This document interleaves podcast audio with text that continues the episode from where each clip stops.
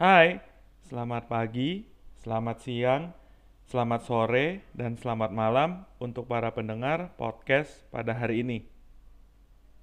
Selamat datang di podcast pada hari ini, episode Natal dan Tahun Baru. Ketika saya kembali membaca dan merenungi kisah Natal, ada pesan kuat yang saya tangkap adalah jangan takut. Ya, pesan jangan takut ini datang kepada beberapa orang yang terlibat atau berada di sekitar peristiwa kelahiran Tuhan Yesus.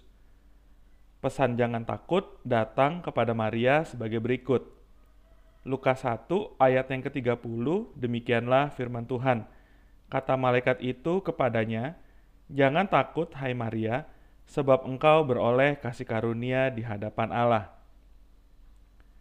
Pesan jangan takut juga datang kepada Yusuf sebagai berikut. Matius 1 ayatnya yang ke-20.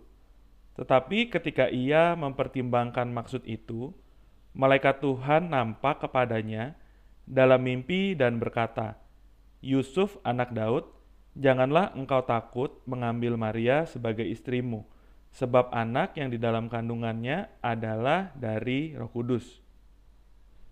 Pesan jangan takut juga datang kepada para gembala sebagai berikut. Lukas 2 ayatnya yang ke-10, demikianlah firman Tuhan. Lalu kata malaikat itu kepada mereka, Jangan takut, sebab sesungguhnya aku memberitakan kepadamu kesukaan besar untuk seluruh bangsa. Kata takut pada tiga ayat tadi berasal dari kata yang sama, yaitu phobeo Fobeo mempunyai arti takut akan sesuatu, takut untuk melakukan sesuatu, sikap kagum, hormat kepada seseorang. Pada tiga ayat tadi, kata fobeo lebih merujuk pada takut akan sesuatu atau takut untuk melakukan sesuatu. Umumnya kita menjadi takut karena kita merasa kehilangan kendali atas apa yang terjadi dalam kehidupan kita. Saya ulangi sekali lagi. Umumnya kita menjadi takut karena kita merasa kehilangan kendali atas apa yang terjadi dalam kehidupan kita. Ketika kita menghadapi perubahan dan ketidakpastian, kita cenderung jadi merasa takut karena kita merasa kehilangan kendali atas kehidupan kita yang biasanya bisa kita kenali, bisa kita prediksi, bahkan bisa kita antisipasi. Merasa takut dan hidup dalam ketakutan adalah dua hal yang sangat jauh berbeda. Merasa takut adalah sebuah perasaan, tetapi hidup dalam ketakutan adalah sebuah keputusan atau pilihan hidup. Ya, hidup dalam ketakutan adalah sebuah keputusan.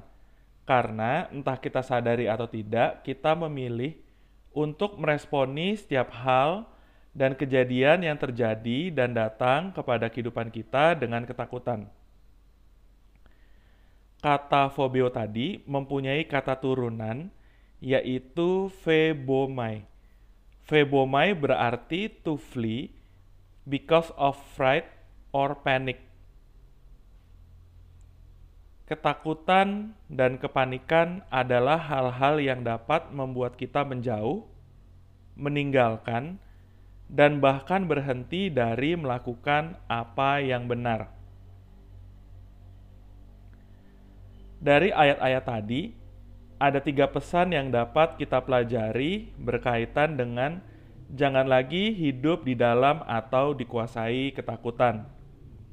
Hal yang pertama adalah satu, jangan takut, karena dalam hidup kita ada kasih karunia Allah yang menguatkan kita. Yang kedua, jangan takut, karena dalam hidup kita ada rencana, kehendak, atau isi hati Allah yang memandu kita.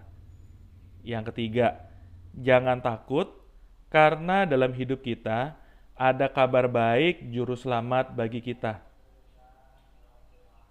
firman Tuhan mengingatkan kita bahwa kita tidak perlu hidup dalam ketakutan karena ada kasih karunia yang menguatkan, ada rencana dan kehendak isi hati Allah yang memandu kehidupan kita, dan ada kabar baik juru selamat bagi kita. Pada episode spesial Natal dan Tahun Baru ini, ada tiga orang yang akan membagikan pesan Natal singkat bagi kita semua, yaitu sahabat-sahabat saya, Pastor Ferry Velani, dan Pastor Alvin Kurniawan, dan istri saya, Vanda Amanda. Selamat mendengarkan.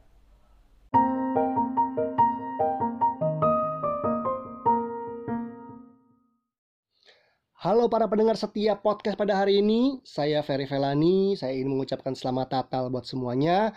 Kita merayakan Natal, kita merayakan pengharapan di dalam Allah. Allah menjadi manusia supaya manusia bisa menjadi seperti Allah.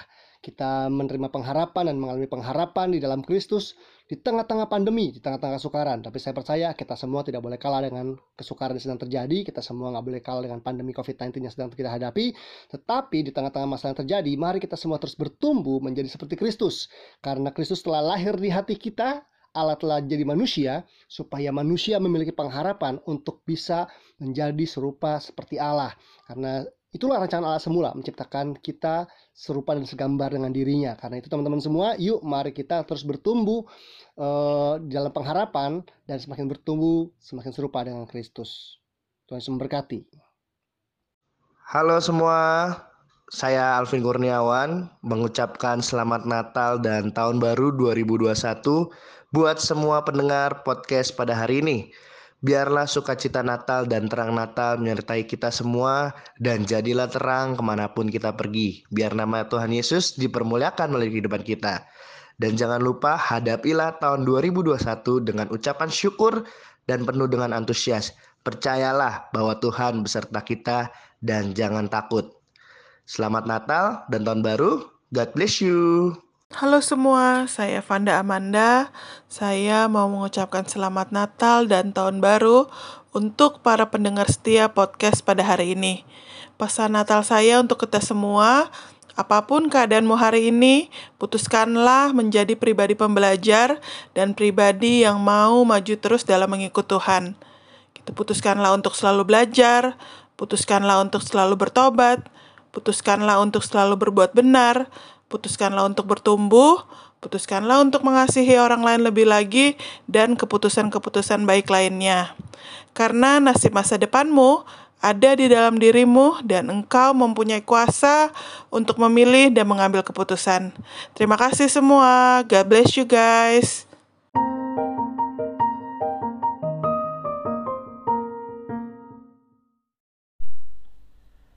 Terima kasih sudah mendengarkan podcast pada hari ini. Untuk update informasi, kunjungi Instagram podcast pada hari ini di @podcast pada hari ini. Dan apabila ada pertanyaan ataupun respon dari setiap episodenya, kirimkan ke email podcast pada hari ini at gmail.com. Saya, Abimael Manuel, mengucapkan selamat Natal dan selamat memasuki tahun baru 2021 kepada seluruh pendengar setia podcast pada hari ini. Sampai jumpa di episode berikutnya. Tuhan Yesus memberkati.